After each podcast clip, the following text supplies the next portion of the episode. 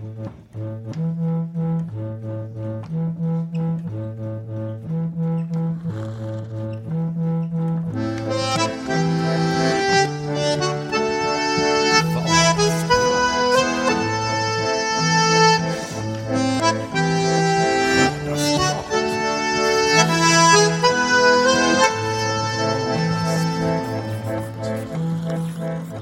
Hej och välkommen till avsnitt 3 av 3 av Vardagsprat om arbetarrörelsens historia. Framför mig har jag fortfarande Jörgen Hammarin och Ann Nilsén.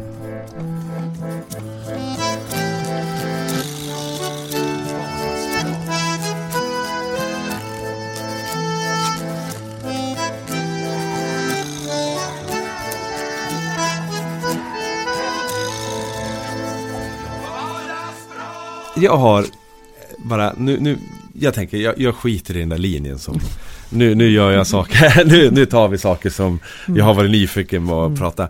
Eh, jag tyckte det var två saker som jag tyckte vi hoppade över lite som jag har tänkt Till exempel Ådalen Alltså mm. det som hände där mm. Som på något vis i historieböckerna om man, om man om jag tänker min skolgång så fick jag ju inte så mycket kontakt med arbetarrörelsens historia. Utan mm. jag lärde mig mest kungar och sådär. Men det var det en sak jag ändå fick chansen att höra. Så var det Ådalen. Mm. Var den så historiskt viktig eh, som den på något vis har blivit i historieböckerna? Det som hände i Ådalen och ja, den, demonstrationståget, det blev mm. Eh, militären sköt och det blev, alltså var det så eller, eller var det bara ett exempel på massa saker som hände runt om i Sverige precis samtidigt runt 30-talet liksom eller? Mm. Alltså det som ju egentligen var den stora betydelsen där, det var ju att det faktiskt blev ett förbud, förbud att militären får alltså inte ingripa i civila eh, rörelser på det här sättet. Det var väl liksom egentligen den stora. Eh, men sen också naturligtvis så blev det ju Det blev ju en eh, proteströrelse kan man säga hos många, många i Sverige på grund av de här händelserna. Eh, det har jag en känsla av. Ja. Så att det uppmärksammades ju väldigt mycket. Ja. Ja, jag tror inte att i det, sen Sverige blev en politisk demokrati hade ju inte något motsvarande hänt. Nej. Alltså det, om man tittar längre bak i historien så finns det väl många, många ja. brutala exempel ja. med att man slår ner eh, opinionsyttringar och, mm. av olika slag. Men, men, eh, men, men, men så det var ju Men här främmande. går ju staten och samhället in och ja. dödar person, personer alltså utan, utanför ja, en krigshandling. Eh, och skjuter på mm fredliga demonstranter mm. i, eh, som demonstrerar utifrån den här arbetskonflikten. Mm. Så att, så att eh, de här, det som hände och de det, det, det, var ju en oerhörd sak och det tillsattes en Ådalskommission och sådär. Eh, så. För där kunde det väl, apropå det vi har pratat om förut, ha lett till Alltså någon slags revolution. För att det kokade väl rätt mycket då. Mm. Nu tror inte jag att 1931 skulle blivit en revolution. Nej. Men, men, men att det kokade det, det kan jag mycket väl ja. tänka mig. Ja. Och det är ju också, det var ju inom arbetet, det var ju verkligen det här med mot strejkbryteriet ja. då vid den här tiden. Och det finns ju faktiskt en händelse i vårt län som ju har väldigt stark anknytning till det här. Som händer året efter, mm. 1932. Så uppe i Sandane som ligger utanför Söderhamn. Så är det också stora demonstrationer och man protesterar man? mot strejkbryteri. Ja, mot strejkbryteri. Ja, för det är ju en sån här, vad kallades de för, lumplena eller någonting, de här båtarna med strejkbrytare som ju gick runt hela sågverksdistrikten mm. här. Lumplena? Jag tror de kallades för det, den här båten. Men, de, men där är ju en, en demonstration som till viss del blir ganska våldsam. Men där, nu får ju inte militären ingripa. Men däremot så skjuter polisen skarpt på de här demonstrationerna. Nu är det eh, demonstranterna, nu är det ingen som dödas där. Men några stycken skadas i det här. Eh, så där, det sker alltså sådana här saker även efter 31. Mm. Eh, fast det här har man nästan aldrig hört talas om. Mm. Eh, du som inte är härifrån Jörgen, har du hört något? Nej, jag, jag, tycker jag känner igen det här ja. ortsnamnet du säger men, men mm. jag har ingen kunskap om det. Eh, och men, men sen ska man också tänka alltså på grovheten i vad som i de här arbetskonflikterna handlar om. Alltså såväl Ådalen som jag gissar i det här exemplet du tar mm. eh, så var det att arbetsgivaren tvingade fram lönesänkningar. Ja, det var ju det man gjorde. Eh, så, så att det, det, det handlar inte om en konflikt där man inte för fick, fick sin, eh, eh, sin löneökning utan det var lönesänkningar ja. i ett mycket fattigt och utarmat 30-tal. Mm. Eh, och, och eh, en väldigt rå kapitalistisk hållning mm. Från arbetsgivarsidan. Mm. Så det var ju, alltså, det finns en grovhet i, ja. i, i konflikten som man måste eh, ta in i bilden också. Men sen, sen blev det ju också efter 30-talet så blev det ju också eh, medborgarvalsmässigt, väljarmässigt ett, ett, ett ett, ett stort ökat förtroende från, för, i, i allmänna val för, för, eh, för arbetarrörelsens mm. politiska partier. Mm. Ja. Och så kommer ju 38 med Saltsjöbadsavtalet. Där ja. då. Och då får vi den svenska modellen som vi ju pratar så väldigt mycket om. Kan vi landa i det lite grann? Ja. kan ni förklara Saltsjöavtalet? Ja. Det hänger ju mm. ihop med det som du Ann berättade innan. Ja. Alltså man upprepar ju igen det här med arbetsgivarens rätt att leda och fördela. Va? Mm. Uh, det är det ju. Och, det, det slår, och det, vad det gör det är ju också egentligen att det slår fast att arbetsmarknadens parter ska göra upp utan inblandning från regeringen.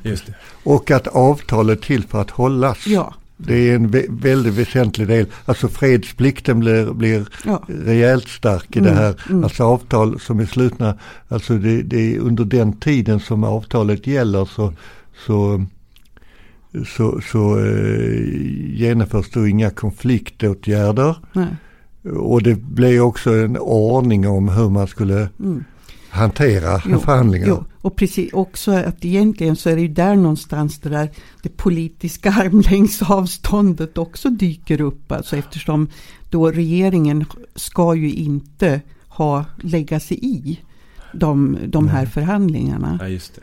Och, och då ska man också komma ihåg att det alltså från eh, under den tiden var ju Eh, det fanns ju många fackligt aktiva kommunister eller mm. kommunisterna man hade, man hade i vissa branscher politiska val till sina verkstadsklubbar och fackliga eh, lokala organisationer och sådär. Alltså det, det, det var eh, inom Metall så eh, till exempel det blev en stor metallstrejk 1945 och den framtvingades av att, av att i någon medlemsomröstning så fick eh, kommunisterna i majoritet bland Metalls medlemmar för den, en, en, en hård linje som innebar att, att det blev en stor metallstrejk 1945. Men jag menar så att eh, det var ju alltså Saltsjöbadsandan mm.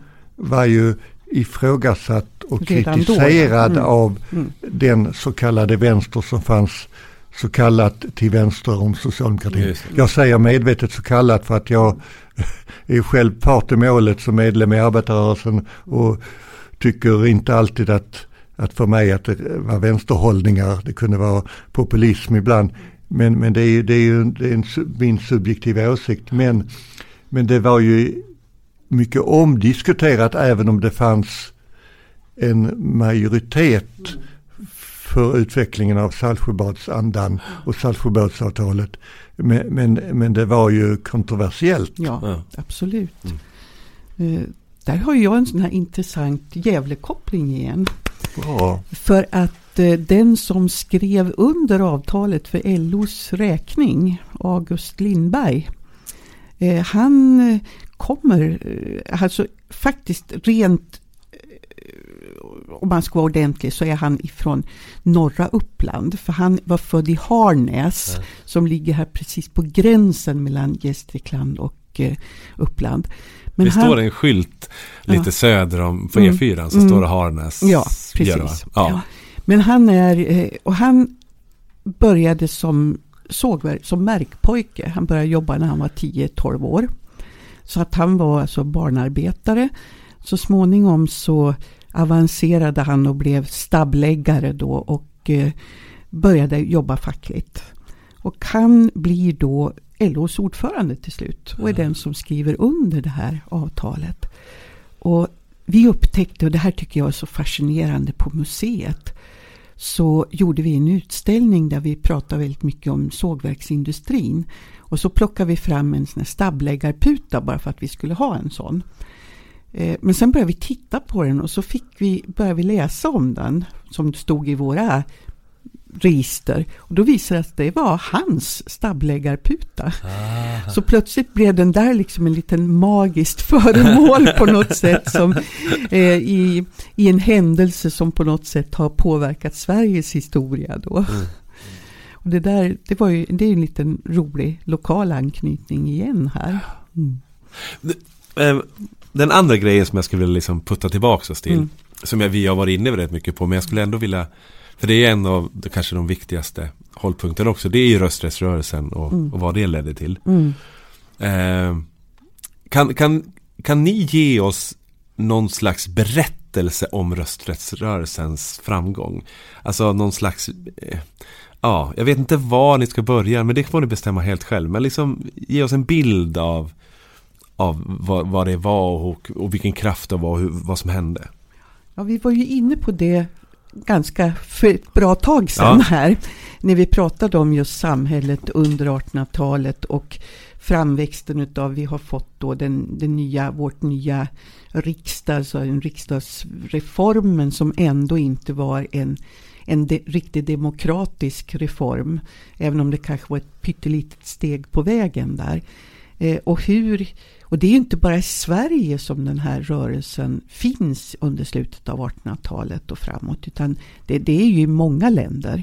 Och som du sa att många länder var ju tidigare än vad vi var där också. Det finns ju länder som var långsammare. Men ja. Schweiz tror jag fick ja, eh, rösträtten på 40, ja, alltså lång, kvinnor, när det gäller kvinnor långt fram. Men den allmänna manliga rösträtten tror jag var på 40-talet. Ja. Eh, så att, så att, men, men ändå är det så att, att grovt sett så, så gick det snabbare i många med Sverige enklare jämförbara länder. Eh, men, men, det är riktigt att, att, att det finns partiella rösträttsreformer där, som handlar om manlig rösträtt och, och krävde inkomstgränser och man fick inte ha skatteskulder och, och annat. Och man fick inte vara eh, dömda för brott. Nej. För brott. Och inte jag ta emot att, eh, fattighjälp och så vidare. Den reella rösträtten för interner tror jag genomfördes så sent som 1975. För att det genomfördes inga valmöjligheter för de som var intagna på fängelse för, för långt senare. Så att, så att ända fram till eh, omyndig, för, tidigare omyndigförklarade fick rösträtt någonting på 70 eller 80-tal någonting. Så att rösträtten har ju även rösträttens utvidgning har fortsatt senare men, men, men det är ju ändå eh, 1918 till 22 som den här lika rösträtten blev i princip genomförd. Var det en stor kraft över hela landet då? Fanns det liksom en... Ja, det tror jag att det var ja. verkligen. Och det som man kanske har blivit eh, någonting som man nästan Eh, har blivit synonymt med rösträttsrörelsen det är ju den kvinnliga rösträttsrörelsen mm. väldigt mycket. För det är ju den man hör talas om. Mm. Eh, och det här hänger ju också ihop med att eh, kvinnans möjlighet har, har ju, blir ju också vid den här tidpunkten myndig. Man har ju inte varit myndig Nej. tidigare. I alla fall inte gifta kvinnor. Ogifta kvinnor kunde ju bli myndiga redan på 1800-talet när man, om man ansökt om det. Mm.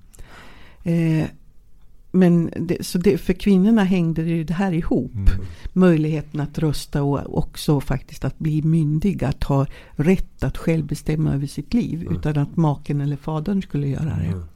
Och det här är ju för oss idag kanske känns det här som ot, Va? Var det inte längre sedan? Det var hundra år sedan ja. drygt. Mm. Ja, som det här sker.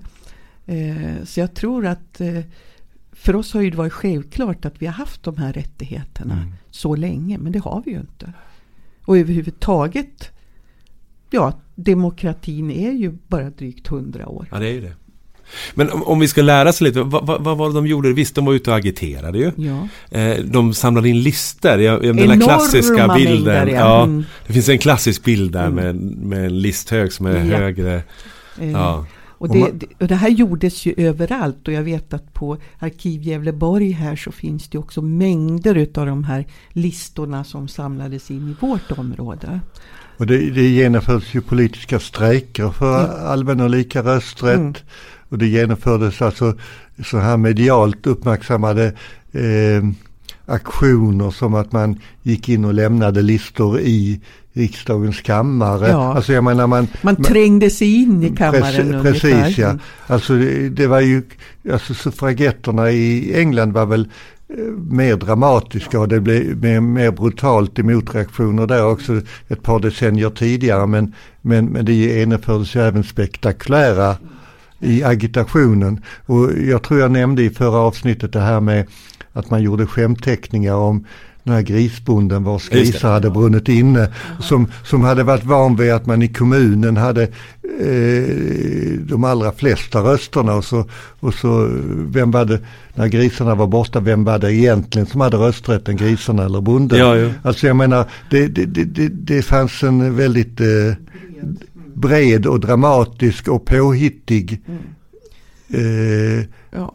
Och här stod ju faktiskt Socialdemokraterna och Liberalerna på samma sida eh, väldigt Abs hårt. Absolut, och det, och det var i början som jag tror du nämnde Anna att, eh, att de först, första Socialdemokraterna som kom in i riksdagen det var på gemensamma liberala och socialdemokratiska valsedlar. Mm. Alltså man fick ju också in lite folk även innan rösträtten Alltså innan, innan man, man, som man fick 1919 det första principbeslutet i riksdagen om allmän lika rösträtt och så fullt ut genomfört tror jag 22 va.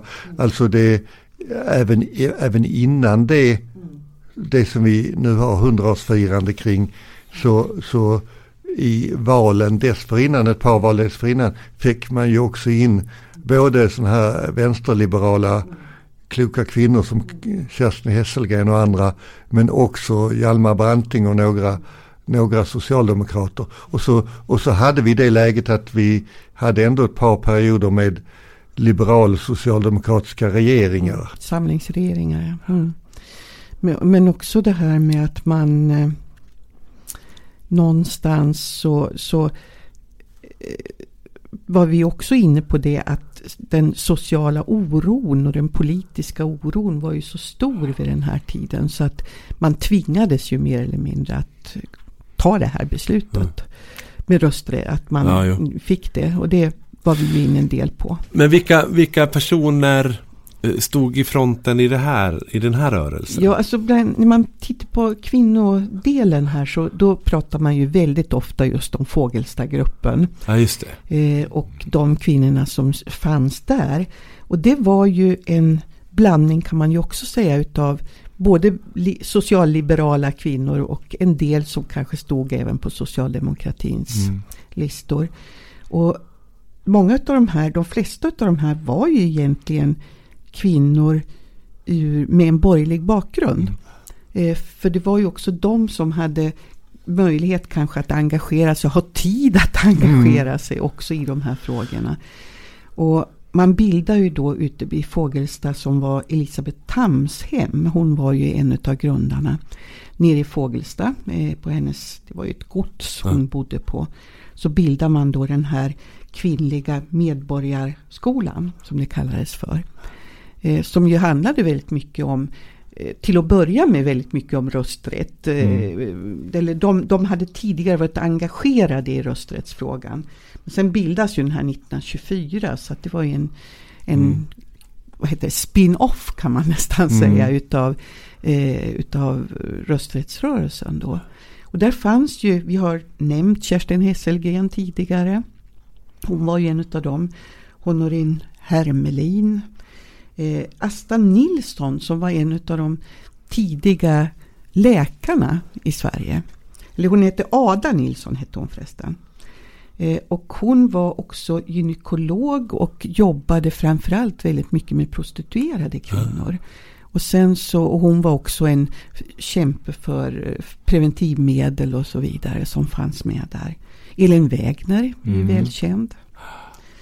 Eh, och vi hade ju, de här var väl liksom den första gruppen i det här. Sen knöt de ju andra personer till sig också. Och de bedrev medborgarkurser fram till 1954. Ja, så pass länge. Ja. Och, och, vi tittade alldeles nyss under lunchen för vi råkade av för det tidigare programmet eh, mm. bli så självintresserade av det vi pratade om så vi, vi kunde inte låta bli att kolla upp en del saker under mm. lunchen. Mm. Ber om ursäkt för det.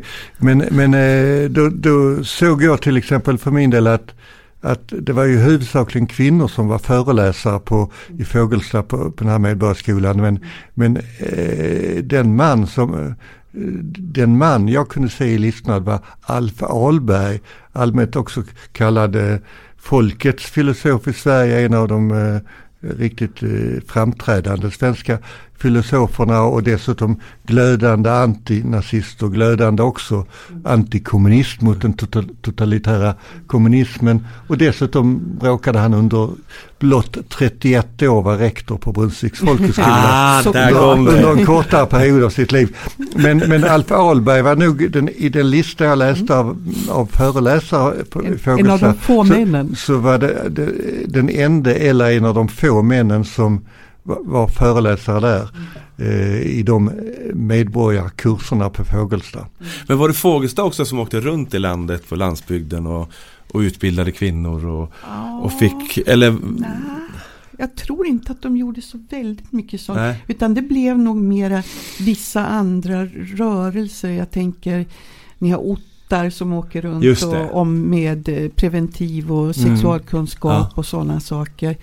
Så de har ju ofta, hon, hon är ju också så småningom en del av den här Fågelsta rörelsen och finns med där. Mm. Fast hon inte var grundare.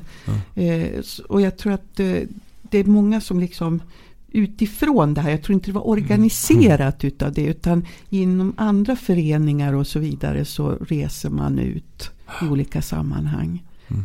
Absolut. Och en, en detalj eftersom att vi har nämnt, jag har nämnt innan att Dan Andersson hade en stormig kärleksrelation ja. 1914-1915 och kanske även ytterligare något år.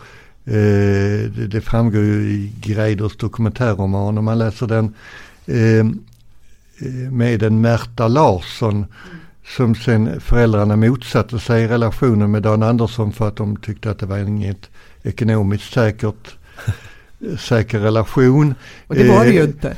Eh, eh, nej. Postumt.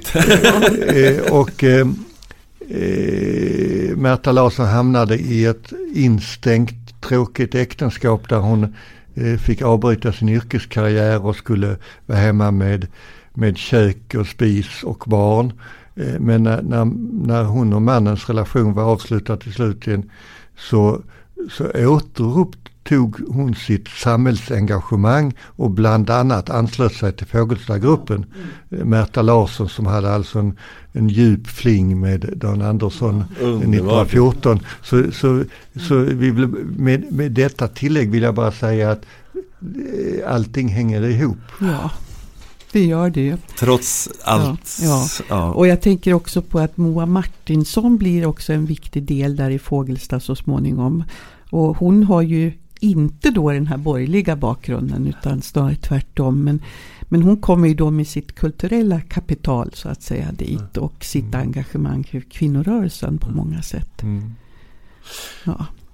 Det, men det, det, får nästan bli en annan diskussion det här, ett ja, annat jo. avsnitt. Jo fast det är väl en, som jag börjar mer och mer fatta det så är det ju en av alla de här rörelserna som tillsammans mm. kallas arbetarrörelse på något mm. sätt, eller hur? Jag tror att eh, de som skriver Fågelstagruppens historia skulle nog inte vilja programmatiskt Nej. lägga in detta i arbetarrörelsen. Men, men, men, att det finns, eh, att det, att det, det finns beröringar. beröringar och mm. granngårds. Ja. ja. Eh, De är kan vi väl ödmjukt säga. Kusiner kanske. Ja. Ja.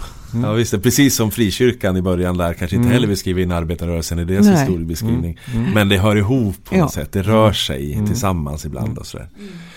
Om, om ni får välja ett varsitt till nedslag, alltså en rörelse eller en händelse i den här ja, men kring den här hundraåriga delen av, av arbetarrörelsen. Vad, vad skulle ni landa då? Ska vi börja med Ann? Oj.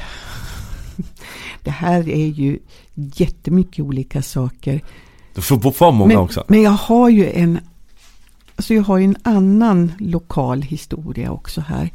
Som kanske inte får samma betydelse men som blir väldigt, väldigt uppmärksammad.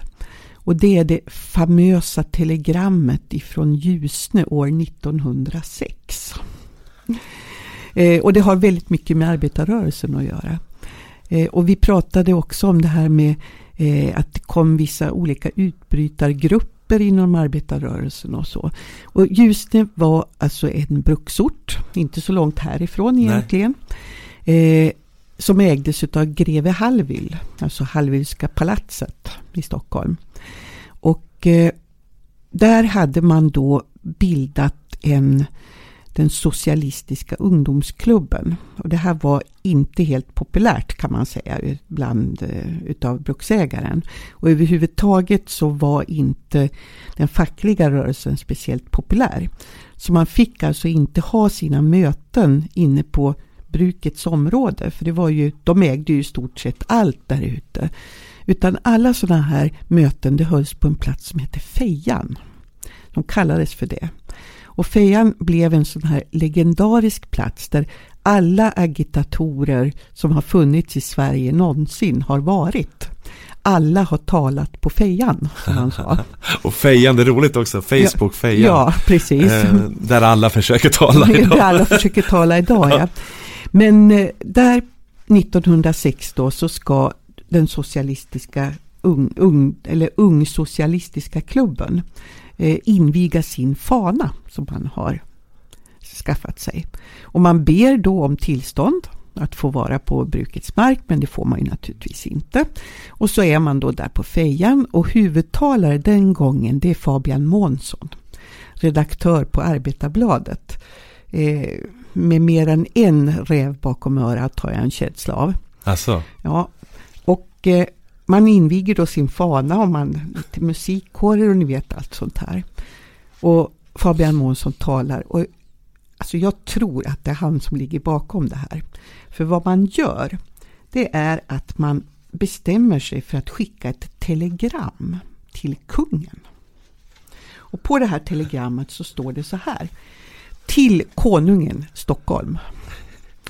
Ers Majestät eh, 500, nej, sorry, eh, 1500 fattiga arbetare från Ljusne och Ala eh, i brist på plats, annan plats, samlade till fest på landsvägen, sända ers majestät och regeringen de hjärtliga hälsningar och ett innerligt tack för ådalagd vishet och fredskärlek.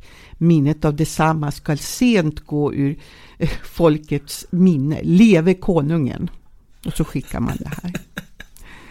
Och det här är ju då, man låtsas tacka för den fredliga utgången av unionsupplösningen. Här. Eh, men det här, det var ju inte därför de hade samlats. Det här var ju bara påhitt. Eh, och det här innebär då att kungen känner naturligtvis Hallwyl och blir rosenrasande på Hallwyl. Varför får inte dina arbetare samlas för att hylla sin konung? Oh. Och det här blir upphov till en mängd eh, grejer. Eh, och det här blir också faktiskt upphov till en viss splittring utav arbetarstammen mm. i Ljusnan. Där den äldre arbetarna tycker att de här ungtupparna, man är rädd för att de har liksom förstört nu. Och det blir diskussioner. Och eh, året efter så bestäms det faktiskt att sågen ska läggas ner. Och det finns de som menar då nästan som en konspirationsteori att det beror på det här. Mm. Nu tror jag att det beror mera på att företaget hade tagit ut alldeles för mycket skog. Alltså, så det, de hade inte virke kvar egentligen. Eh, och det här var en nedgångsperiod för alla sågar. Men det här ger resultat till att 103 stycken arbetare från Ljusne emigrerar till Amerika. Eh, så det här är också en, det här är ett sånt här nedslag som, som finns i mitt huvud ganska mycket och är intressant. Och det skrevs eh, nid vad ska man säga, ironiska insändare runt det här. Och, eh, eh, Dagens Nyheter gör reportage och pratar om att det är någonting med att det är otroligt sorgligt att se en plats där alla har gett upp hoppet och inte vill något annat än härifrån och så vidare. Så det var min. Mm. Jörgen? Vad ja, har alltså, du? Jag funderar på nu, nu, nu blir det svårt för Reine som då och då går tillbaka till att bygga upp en tidsaxel och en tidslinje här. Eh, men, men jag gissar att värderade lyssnare har ritat en sån på tapeterna i sina hem och, och därför går tillbaka och kompletterar och klarar ut det här pedagogiska problemet. För jag tänkte eh, återkomma till Eh, den rika kulturella ambitionen som, som ändå stora delar av arbetarrörelsen har haft eh, och som kanske har blivit lite för sval i, i, moderna tider men, men som ändå det finns många exempel på. Och för att ta ett exempel från år 1890, alltså strax före detta vi nyss hörde talas om, så fanns det på många håll eh, diskussionsklubbar eller, eller, eller alltså utöver de vanliga fackliga organisationer eller partiorganisationer eller kooperationer eller annat så fanns det allhandas, eh, ofta små bitar i väven, väven arbetarrörelsen. Och eh, bara som ett exempel, Domnarvets diskussionsklubb i Borlänge. Finns säkert Gävleborgs exempel också. Eh, eh, de, de vill jag låta representera arbetarrörelsens historiska insikt om att försöka vara det svåra, att mitt i det borgerliga samhället eh, vara en frizon med lust och allvar. I sin programförklaring från år 1890 skriver man så här. Klubbens uppgift är att diskutera över politiska och sociala frågor i full socialistisk anda. Med förenade krafter söka utbilda varandra till mera tänkande män och kvinnor på ett sant, skönt och ädelt sätt leva och njuta av livet, kämpa modigt mot fördomar och förtryck samt med ljusets fackla i hand tränga djupt in i fördomarnas mörka schakter. Och det tycker jag understryker det vi har snubblat in på innan, att detta var ju en gemenskap som brydde sig om hela människan. Och det var ett umgänge och man odlade liksom hela människans sinnen och, och det ligger nära till hands också att man använder andra uttrycksmedel. Och detta att man skriver en, en stadgeändamål för sin förening på ett sätt som, som låter som en dikt är ju i, i sig ett exempel på det. Och det, det är ju så att man och det, det, var säkert ett arv från frikyrkan men framförallt nykterhetsrörelsen som hade mycket teaterverksamhet, sångverksamhet och alltså egentligen de första studiecirklarna, vi nämnde ju Oskar Olsson tidigare, det var ju både ett, ett fest och trivsel, dock utan alkohol, eh, fest och trivsel och lärande. Va? Och, och eh, fest och trivsel och umgänge och sång och musik och poesi och teater och annat. Alltså de, de här egna kulturen, att, att man både naturligtvis spred de sköna konsterna så att man demokratiserade med dem, men också eh, utvecklade den egna inre kulturen och livet och, eh, och med olika uttrycksformer. Det kännetecknade ändå lång tid framåt Eh, det normala i en eh, arbetarrörelseverksamhet. Det finns exempel från fackliga möten, man kallar till möte och hade som en punkt på dagordningen, har livet någon mening? Och så sen diskuterar man det på det fackliga mötet och sen kanske man gick till beslut. Och så vid ena mötet så kanske det blev en svag majoritet för att nej, livet har ingen mening. Så kunde det tre veckor senare bli en ny mötesfråga. Så det kunde vara liksom sådana här existentiella frågor som också hade plats i verksamheten. Så det var liksom ingen, ingen snävhet av, av, av storleken på frågor. Alltså livets stora frågor och livets små frågor hade utrymme. Det är otroligt, då, jag vill bara säga det att Eh, det finns en pjäs som heter Tok-Alfred mm. som Kent Andersson i Göteborg tror jag skrev. Där det handlar om en Tok-Alfred som jobbar på ett företag och med ett fack. Eh, och jag har aldrig hört det här som du berättar utan det, jag, det, det som finns, det som, det som det handlar om det är att han varje fackmöte försöker få in livets mening som en av punkterna. Mm. Och han får alltid in det som sista punkt och de hinner aldrig dit så att den bordläggs varje möte liksom så att det, ja, vi tar det nästa gång, vi tar det nästa gång, vi tar det nästa gång. Men det, det, det, det är, som övrig fråga. Så alltså han, det? är som ja, övrig, övrig fråga, fråga ja, mm. finns mm. av livets mening. Mm. Eh, innan bara, jag ska bara också säga det att jag skulle vilja eh, bara spontan utrop till alla som lyssnar att jag skulle jättegärna vilja vara med i en diskussionsklubb med just den eh, idén. Så att, eh, är det fler som vill det så mejla mig på reine.loof.abf.se så startar vi massa diskussionsklubbar med just den ingången. Nu Ann, nu är det du. Nej, men jag bara, jag jag, jag, kan aldrig sluta. Men jag kommer att tänka på en annan också sak som Metallklubben i Hofors. 1936 så skriver de faktiskt ett brev till Hitler. Där de eh, då talar om att vi i fackklubben här Metall i Hofors är djupt oroade över vad vi hör ifrån Tyskland. Och vi motsätter oss och det starkaste förföljelsen av våra fackliga kamrater och av andra grupper i Tyskland. Och så undertecknar man. Och någonstans så kanske man idag tycker att oj, oj, vad naivt. Men samtidigt så tycker jag att det här är helt underbart. Att man har det självförtroendet om man tänker att vi måste åtminstone tala om för den här mannen att vi inte gillar vad som sker. Mm.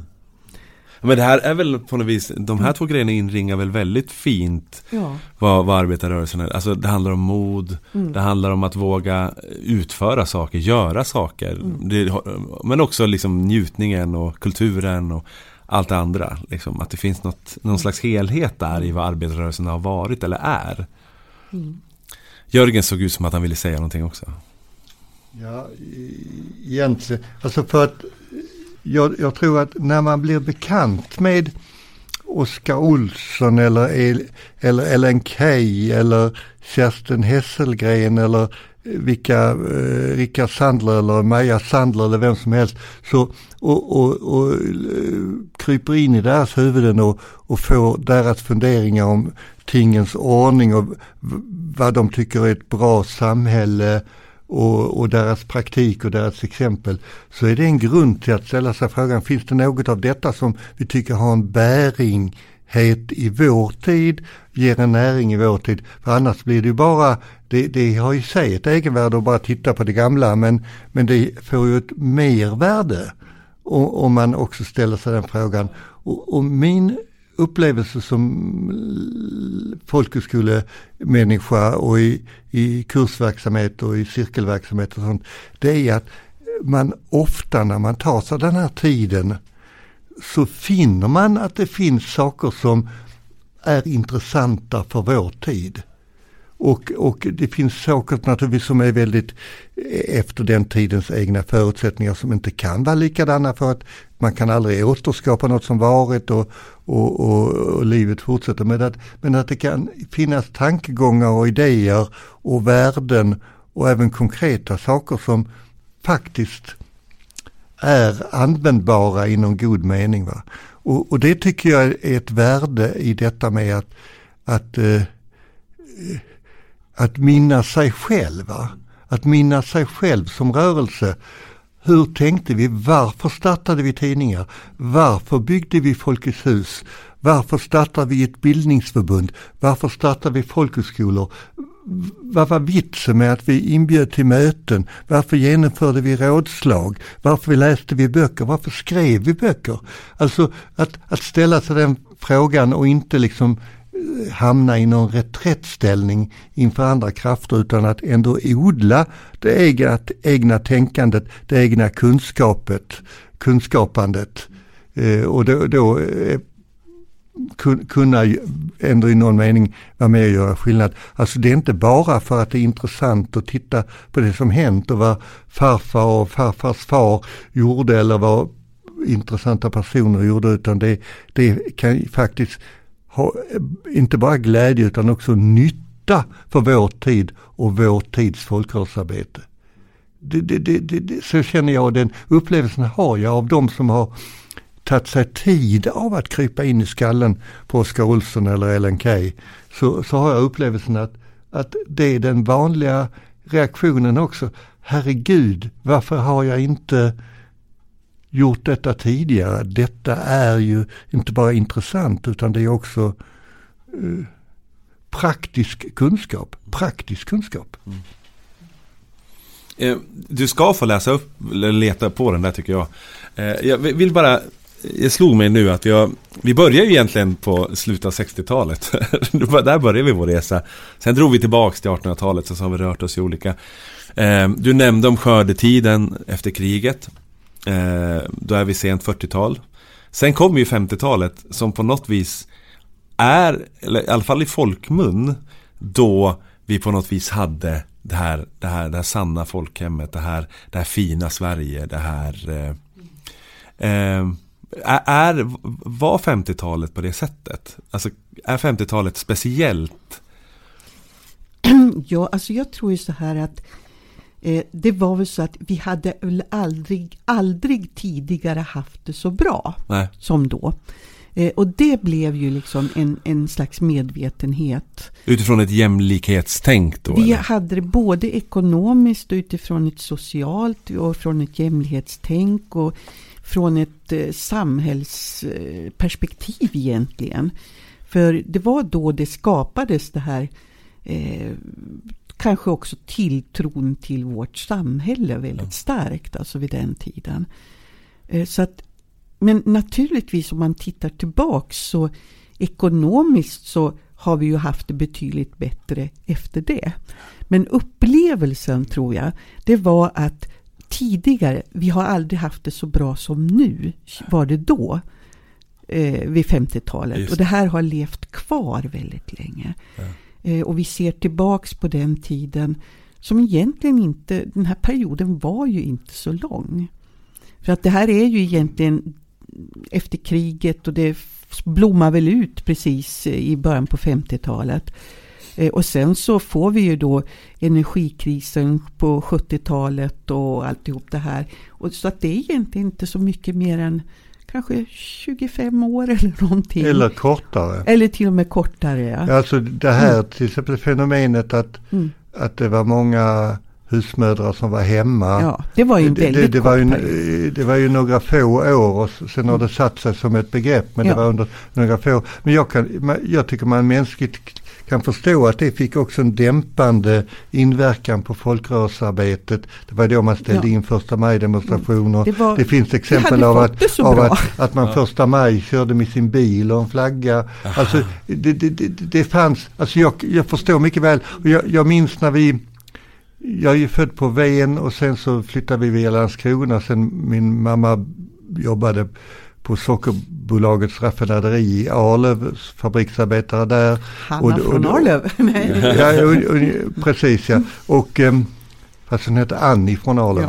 Ja. Eh, och så eh, flyttade vi in i Sockerbolagets eh, arbetarbostäder i Arlöv. Och då hade vi den enorma moderniteten som jag fortfarande nästan har tår i ögat. Vi, vi, fortfarande hade vi utedass, men det var ett modernt utedass. Det var vattenklosetter i ett hus på gården. Mm. Och, och, och, fyra år senare så eller fem år senare så flyttade vi in i ett, i ett allmännyttområde i Arlöv och fick toalett och badkar inomhus. Och jag kan fortfarande känna att det var en, en, en en känsla. Så, jag, så, så, så, att det som hände under 50-talet och in på 60-talet i, i, i eh, mänskligt rimlig standardutveckling det, det skedde det, enorma alltså, förändringar. Alltså, och att det kunde också dämpa en del. Och sen kom det naturligtvis nya generationer som ställde nya frågor och sund samhällskritik och annat. Och det, det, det kan väl hända att, att uh, arbetarrörelsen i, ibland har varit lite bland de aktiva som har varit med om de här landvinningarna då slår sig var, till ro. Var lite förvillade i den nya samhällskritiken. Alltså jag menar, jag gick 1966 i min första första maj-demonstration i detta lilla samhälle Arlöv, brukssamhälle med sockerbruket som det stora raffinaderiet. Hans Palmstierna som på den tiden var den stora miljödebattören och miljöväckelsemannen i Sverige med sin bok Plundringsfält förgiftning som eh, sen gick bort allt för tidigt men som var oerhört, alltså det fanns en ansats till en, en väldigt intressant miljödebatt då. Va? Han byggde sitt första majtal på andra versen i Arbetets söner. Icke naturen hårdhänt har dragit gränser som skiljer fattig och rik och så vidare. Och, och det är fortfarande det enda första majtal som jag kommer ihåg stora delar av. Alltså det, det, det, det, det är ändå så att under, under slutet av 60-talet så, så mötte ju arbetarrörelsen också en del nya röster som säkert skakade om lite grann absolut. och som var en nyttig omskakning. Absolut. Mm. mm. Nej men det, det absolut. Och, och det skedde ju en enorm förändring under de här åren. För jag, vet, jag läste en bostadsundersökning som gjordes här i Gävle 1945. Eh, och då konstaterar man att 67 procent av alla hyreslägenheter i Gävle bestod av ett rum och kök eller mindre. Mm. Alltså bostadskök då. Eller ett rum och kök. Alltså 67 procent. Det var en enorm dålig bostadsstandard. Och hur det här då förändras egentligen på en ganska kort period. Som du säger, badrummet, det här mm. som kommer. Tvättmaskinen. Ja. Eh, Hans Roslings eh, berättelse om vad tvättmaskinen betydde för hans mamma. Mm. Alltså är rätt så berörande. Mm. Så, men, men, men, men, det är såklart, det, nya röster behöver ju innes och, och, och, även den organiserade vanliga fyrkantiga arbetarrörelsen måste liksom eh, finna sig till rätta och utvecklas i den nya tiden. Så att, så att eh, historien stannar inte av. Nej. Men om man tänker då, av, vi går in 60 till 70-tal eh, där jag föds och jag minns ju jag var ju, jag kände en arbetarrörelse som en naturlig del av min uppväxt. Kanske för att jag är född i Norrsund och den var väldigt stor här. Mm. Eh, både liksom föreningar, vi hade väl nästan föreningstätast i hela Sverige ett tag ju. Eh, och vi hade demonstrationståg som var alla invånare nästan och sådär. Så för mig var det också en naturlig del i min, min uppväxt. Eh, men sen, sen kommer ju 80-talet då där klyftor börjar öka och sådär. Jag var inne på det för, för länge sedan också i den här podden. Att, eh, att det är där någonstans är det där, alltså ja, dialogen om, om, om arbete börjar handla om ekonomi bara. Alltså att, är det där någonstans den brytningstiden, att Ja, att det, att det självklara i det, de andra frågorna börjar liksom försvinna utan att man Ja, man vill ha den där extra sommarstugan och att det blir det viktiga och då blir också samhället mer Alltså att man tittar på sig själv Eller är det bara Nu bara slänga ut någonting för att ni ska reagera Ja, alltså jag reagerar lite grann också där jag tänker så här att eh, det är ju också någon gång på 80-talet här som eh, förändringen i vår industriella verksamhet börjar på allvar. Eh, där som ett sånt ställe som Norrsundet då där man hade en arbetsgivare som dominerade alltihopa.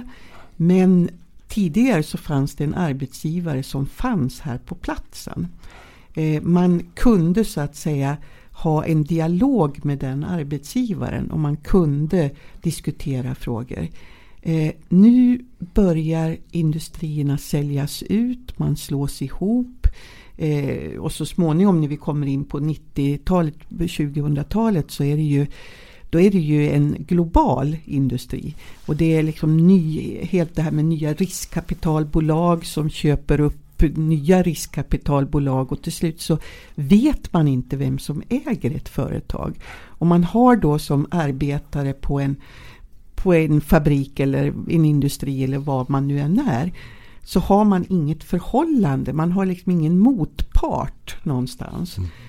Eh, och då kanske man inte kan diskutera mera samhälleliga frågor för att den här motparten finns inte i samhället överhuvudtaget. Och då kanske det bara blir lönerna. Det här är ja, ja. bara tankar som jag ja, men, har. Men man kan ju fylla på dem också de demokratiska statsbildningarna.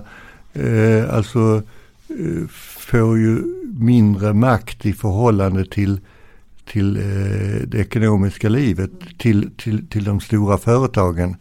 Eh, och, och, även alltså man, man har ju sett det alltså att eh, om man tittar på var de stora pengarna finns så resurserna till som det demokratiserade samhället eller stat och kommuner förfogar över eh, blir ju i förhållandevis mindre än det som, som finns i, i, I, hos det, I de andra fickorna. Ja. I de andra eh, stora företagens fickor. Va? Och multinationella företag och allt det, detta här och transnationella och allting. Så det, det blir ju en ny verklighet där det blir det blir svårare för den här lokal, för, förutsättningar för den här lokala dialogen och det blir svårare också på nationell nivå. Va? Och det är det naturligtvis som är motivet för att man sökt former bättre eller sämre Eh, lyckade för ett samarbete mellan demokratier eller samarbete mellan stater. Alltså för det finns, det finns liksom reella problem. Och det är ju naturligtvis för, för en rörelse som, som vill ett jämlikt samhälle och som vill att man ska ha en levande demokrati. Om man ändå tror på att de idealen lever hos de allra flesta så, så är detta ju liksom omständigheter eh, som är reella. Som, som gör alltså ett, ett politiskt förändringsarbete och förbättringsarbete svårare. Mm. Och då kanske det kokar ner till att man kan begära högre lön. Så mycket mm. annat kan man inte göra. Nej, eller hur man ska uttrycka sig. Mm. Jag vet inte. Mm. Nej, alltså vi, vi, vi, det fanns ju under 70-tal och kanske en liten bit in på 80-tal en jättestor diskussion om arbetslivsutveckling av eh, både, både arbetsmiljö men också av medbestämmande. Olof Palme stod i riksdagen och pratade om när beslut, inför beslutet om medbestämmandelagen. Det skulle inte vara en ordning där arbetsgivaren skulle förhandla först, tuta innan man kör över utan det skulle vara en reell eh, utveckling av mm av, av medinflytande och en rejäl demokratisering. Och han jämförde det med att det, det är det stora demokratiseringssteget efter den allmänna rösträttens införande. Det liksom eh, ingick i presentationen av riksdagens beslut på 70-talet om en ny medbestämmandelag och vi fick en hel arbetsrätt som på olika, att det fanns en frihetsreform som heter studieledighetslagen, att rätten att söka ledighet för studier även om det inte var en, eh, en Eh, utbildning i jobbet och sånt där. Va?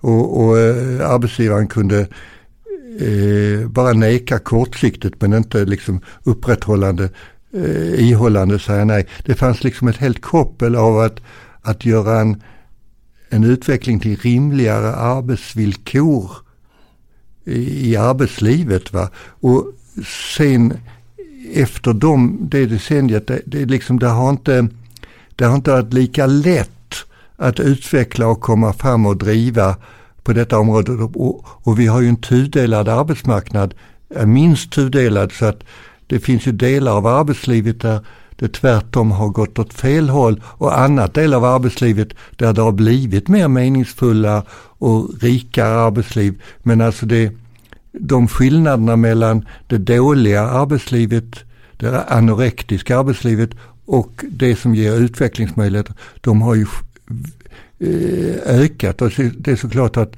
att den politiska påverksmöjligheten och den fackliga påverksmöjligheten av detta, det, det har uppenbart varit mer kämpigt.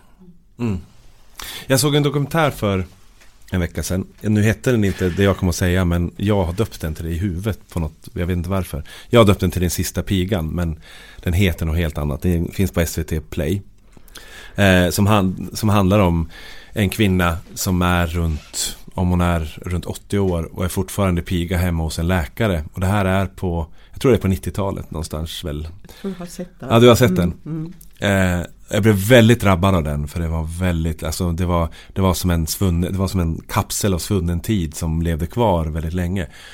Eh, men sen när jag hade stängt av den så kände jag en känsla av att är det inte ännu jävligare idag när man som sms-städerska får ett sms på morgonen eh, som säger att du ska städa hos den här personen och får du inget sms så får du inget betalt och du har inget sammanhang, du har inget, jag menar hon hade i alla fall ett sammanhang, hon hade en roll, hon hade någonting, någonting. Mm. Eh, men, och det sker idag. Eh, och jag tänker på Oskar Olsson då, eh, när han pratar om det gyllene tillfället och när han pratar om det här.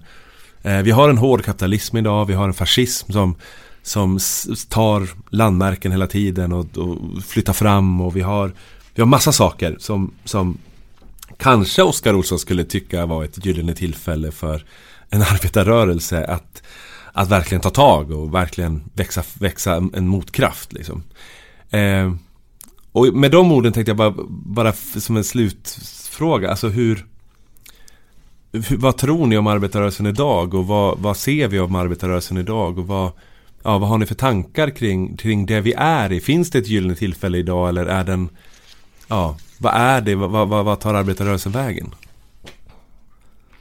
Jag tycker trots allt alltså, eh, trots eh, den, den budget vi fick presenterat häromdagen, eh, eh som innehåller eh, en del konstigheter i felanvändning av pengar ur många rimlighetsskäl. Men det är ändå så att pandemins konsekvenser och behoven av nu återstart har, har just nu öppnat en glipa till ett vidgat samhällsansvar.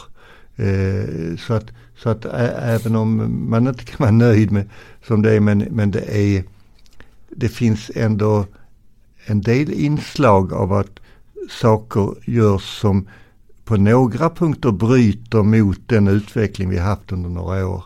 Eh, men, men det är en väldigt, alltså det, det kan må hända vara så att jag är naiv i detta men, men jag, jag kan ändå tänka att det är en liten glipa eh, som är där, där pandemins konsekvenserna av pandemin och nödvändigheten av en återstart i samhället eh, är i någon liten utsträckning ett gyllene tillfälle. Sen tänker jag på en annan lokal historia utifrån att jag eh, bor i Ludvika kommun. Vi jobbar ju hårt mot de nazistiska och, och, eh, och högerextrema krafterna som ibland visar sina fula trynen i Ludvika kommun.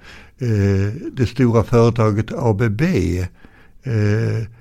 utifrån sina krassa intressen har ha ett samarbete med Högskolan Dalarna om att finansiera doktorander som, som eh, tittar på hur man ska motverka våldsbejakande extremism. Och då menar de eh, den extremism som vi har besvär med i Ludvikaområdet, nämligen högerextremismen. Alltså så att, så att även för, för kapitalintressen som, som ser långsiktigt Eh, kan både på när det gäller extremismen och när det gäller eh, miljöomställningen. Eh, där tror jag det finns och kommer att öppna sig fler gyllene tillfällen att det kan kombineras med, med progressivt politiskt arbete och progressivt folkrörelsearbete. Alltså eh, det är ändå så att det ekonomiska livet innehåller både eh, kortsiktig vinstjakt. Men det finns också delar av det ekonomiska livet som, som eh, tittar längre än det kortsiktiga. Och, och, så jag tror ändå att det finns fler gyllene tillfällen att ta vara på. Ja, jag funderar också på det här med att vi var inne på vi pratar om rörelser.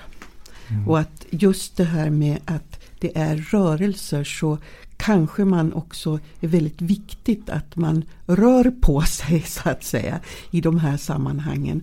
Att man kanske förflyttar sig från en invand bekväm ståndpunkt till att mm. faktiskt eh, ta tag i de här, du nämnde det här med gigekonomin och hur, hur mm. liksom kan man organisera människor som arbetar i en sån ekonomi. Det är kanske där vi behöver verkligen arbetarrörelsen idag. Mm. Så att man någonstans själv också rör på sig. Ja, ja det är intressant för att det, eh, jag har berättat det här för dig någon gång men när jag jobbade på Riksteatern så hade vi samlat rätt många arbetslösa för att se en pjäs som vi hade gjort. Mm. Och då hade vi bjudit in facket för det handlade om många av de frågorna. Så facket skulle möta de arbetslösa efteråt. Eh, och han började prata, den här mm. fackrepresentanten. Eh, och eh, efter ett tag så, så var det en, en, en, i publiken som räckte upp handen. Mitt i hans inledningsanförande och bara sa Ursäkta men jag förstår ingenting av vad du säger.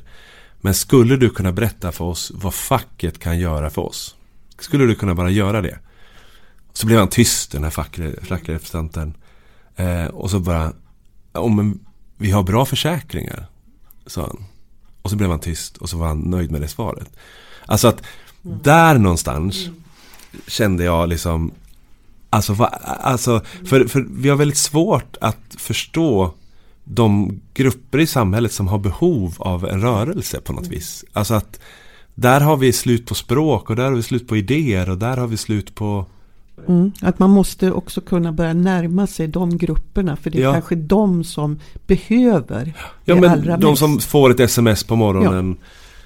Och ska liksom helt plötsligt vara och, och, inom en timme vara och städa någons hus eller någonting. Mm. Alltså hur, hur, som där det finns ett jättebehov av organisation på något sätt. Ja. Mm. Eh, har ni några texter kvar, bara det här bara, som ni skulle vilja, som på något vis har varit viktiga för er eller någonting som vi har glömt under vägen eller, eller också det som någon sa till mig någon gång, eh, har ni någonting kvar att säga som ni annars blir ensam med när vi går härifrån? Töm era sista reserver helt enkelt. Jag har bara en sak att säga. Eh, jag tror inte jag ta till några texter men, men jag har bara en sak till att säga nämligen att, eh, att det här med rörelse och en, en, en förening som också är en gemenskap. Det, det, är för mig att man på något sätt ändå försöker ta tillvara eh, både åsikter, intressen och, och håg och sånt där hos alla medlemmarna och att man har en möjlighet att, att spela en roll i den här föreningen. Va? Så, att, så att det som har blivit med att föreningsverksamhet ofta i mångas sinnevärld är att det är något som kallar till möten i, i, i en sån här formell form bara. Eh, att det är huvudsakligen är det det. Det tror jag egentligen långsiktigt är förödande. Tittar vi bakåt så ser vi en, eh, så, så, så, kan vi ändå se en bild av att det formella mötet var en mindre del av verksamheterna och att det var en rik spridning av fritidsaktiviteter och studieaktiviteter och, och trivsel och festaktiviteter och naturutflykter och vad det var månde i övrigt, var dansaktiviteter. Eh, men sen hade man också möten för att knyta samman och ibland också fatta demokratiska beslut. Va? Men, men nu har det för många blivit liktydigt med att, att föreningens stora verksamhet är föreningsmötet utöver det jobb som styrelse och, och sånt gör. Och jag tror att ska vi göra det till mer av rörelser så behöver man hitta former för att man tar tillvara intressen eh, och, och, och håg och möjlighet att göra roliga arbetsinsatser och meningsfulla saker mm. i sin förening. Mm. Och det tror jag faktiskt gäller oavsett om det är en fackförening eller, eller vilken annan förening som helst i folkrörelsearbete. Mm. Det tror jag är avgörande för alltså föreningar som ändå gemenskaper. Mm. Mm. Och, och sen kan man säkert behöva göra mer av sånt också som öppen verksamhet för att det, det, det, det finns de som vill tänka en och två och tre gånger innan de blir formell medlem i en förening. Mm. Så man behöver ju vara väldigt utåtriktad också. Ledarskap och pedagogik. Jag, jag, tänkte, för jag läste ju, jag såg, vi pratade om det på lunchen, att jag läste en undersökning från Socialdemokraternas medlemmar. Mm. Där 80% tyckte att de var för lite engage- alltså med i, i rörelsen.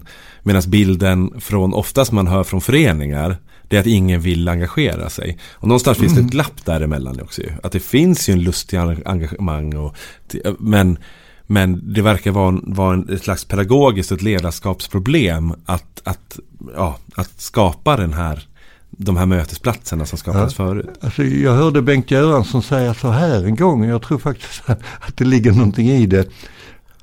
Partierna måste inse, sa Bengt Göransson, även mitt eget, sa han, att det faktiskt finns människor som är politiskt intresserade. Ja, ja, ja.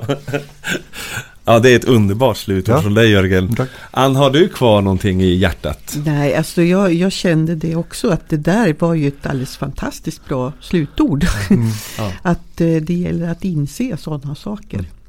Eh, och inte bara tro att saker är något, Nej. utan verkligen försöka ta reda på. Mm. Vad tänker ni? Vad vill ni? Mm. Mm. Var Alva Myrdal som sa fact kicks. Vi kanske ska börja ta reda på egentligen vad ja. fakta är. Ja, precis. Istället Om för att hon... anta. Ja. ja. Mm. Jag tackar Jörgen, jag tackar Ann, jag tackar Viktor.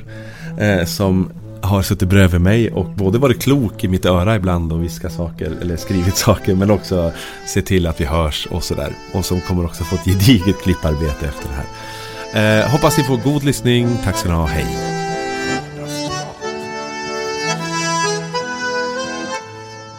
Ni har hört avsnitt 3 av 3 av Vardagsprat om arbetarrörelsens historia med Jörgen Hammarin och Ann Nilsén.